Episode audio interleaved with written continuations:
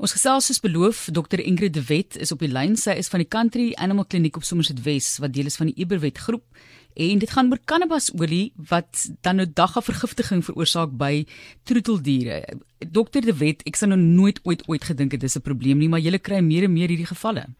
Absoluut. Meer en meer mense gebruik die produkte en gebruik dit vir hulle self of of hulle diere en dan kry ons soms hierdie neeweffekte. So ek wou net paar goedjies uitleg uitlig vir mense. So is dit 'n goeie ding vir diere. Kan dit ook daar's baie mense wat dit voordele gebruik in hulle eie lewe en dink dan dit kan sekerlik ook vir hulle geliefde troeteldiere en diere kinders goed wees. Absoluut. So ek dink die belangrike ding om te besef is daar's verskillende chemiese stowwe in daai daggeplantjie of die cannabis en ehm um, daai verskillende stowwe het verskillende effekte. So die CBD wat ons almal ken, is amper 'n huishoudelike naam, is oor die algemeen veilig vir diere, maar as ons kyk na die ehm um, ander komponente THC, dis 'n baie moeilike woord om uit te spreek, so ons sal bly by THC. Dit is die chemiese stof wat 'n high gee as 'n mens nou 'n uh, uh, dag rook of daai tipe goeders en daai THC kan baie giftig wees vir diere. So dit is baie belangrik as jy 'n CBD produk vir jou ehm um, dier gaan gee om seker te maak dat glad nie THC uh, in die produk nie want dit kan giftig word. So ek wou dit net eers uitpleis, maar ons weet en daar's baie navorsing oor CBD produkte vir mense en vir diere en dit lyk asof daar is sommige gevalle waar dit dalk kan help. So ons kyk spesifiek na pyn, ons kyk na angstigheid, epilepsie, ehm um, artritis, daai tipe goeters. Kan dit soms 'n bietjie van 'n goeie effek hê in die diere, maar daar's nog bitter min navorsing en ons is nie altyd presies seker van die effekte en die doses wat benodig is en daai tipe goeters. So dis op hierdie stadium ietsie waar ek sou sê wees nog steeds versigtig vir die produkte in kroeteldiere. En ehm um, ja, ons hou duim vas dat ons meer en meer navorsing gaan kry dat ons weet presies wat se dosis vir watter kondisie, maar ons is nog nie 100% daar nie. Jy het nou gesê wees versigtig want mense dink dit is soos jy sê kan enige medika enige siekte toestand kan dit voorvoordelig wees en dit is nie noodwendig altyd die geval nie of soos jy sê die dosis is nie 100% korrek nie.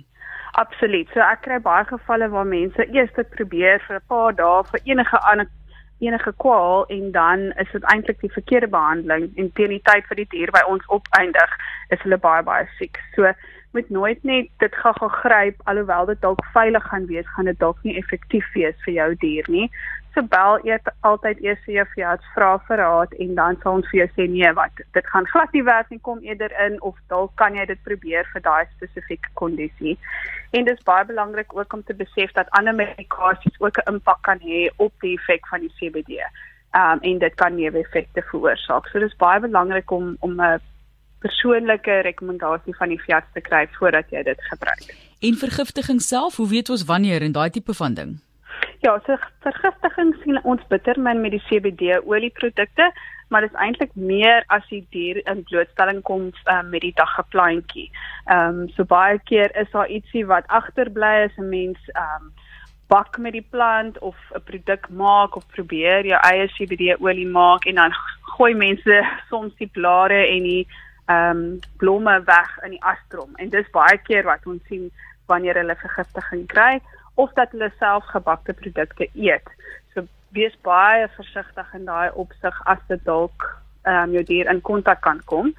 En dan gewoonlik die simptome wat ons sien is dat die hond of die kat heeltemal verdeer is. Ons kan hulle amper nie wakker maak nie en dit kan baie baie verraaiend wees vir die veearts as ons nie 'n volle geskiedenis kry. So ons sal glad nie oordeel nie, maar deel met ons as hulle dalk in kontak gekom het met cannabis of enige van die produkte dat ons net so gou as moontlik kan begin met behandeling want veral in katte kan dit dodelik wees en ons moet spesifiek die regte behandeling gee so gou as moontlik. Kom ons gesels oor die toekoms. Wat lê voor dink jy vir CBD produkte en troeteldiere?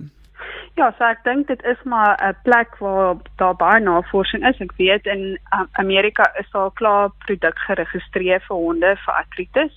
So ek dink in die toekoms gaan daar baie meer produkte te voorkom. Ehm um, maar op die oomblik is daar glad nie geregistreerde produkte in Suid-Afrika vir diere nie. So dit maak my ook bietjie bang. Ons weet nie altyd wat in die produk is nie en hoe sterk dit is en so. maar ek dink dit is 'n plek om te kyk en ek dink selfs tussen mense is is daar baie belowende aspekte, maar op hierdie stadium sou ek sê versigtig wees en moenie enige produk gee vir jou hond of kat sonder om eers met jou veearts te praat nie.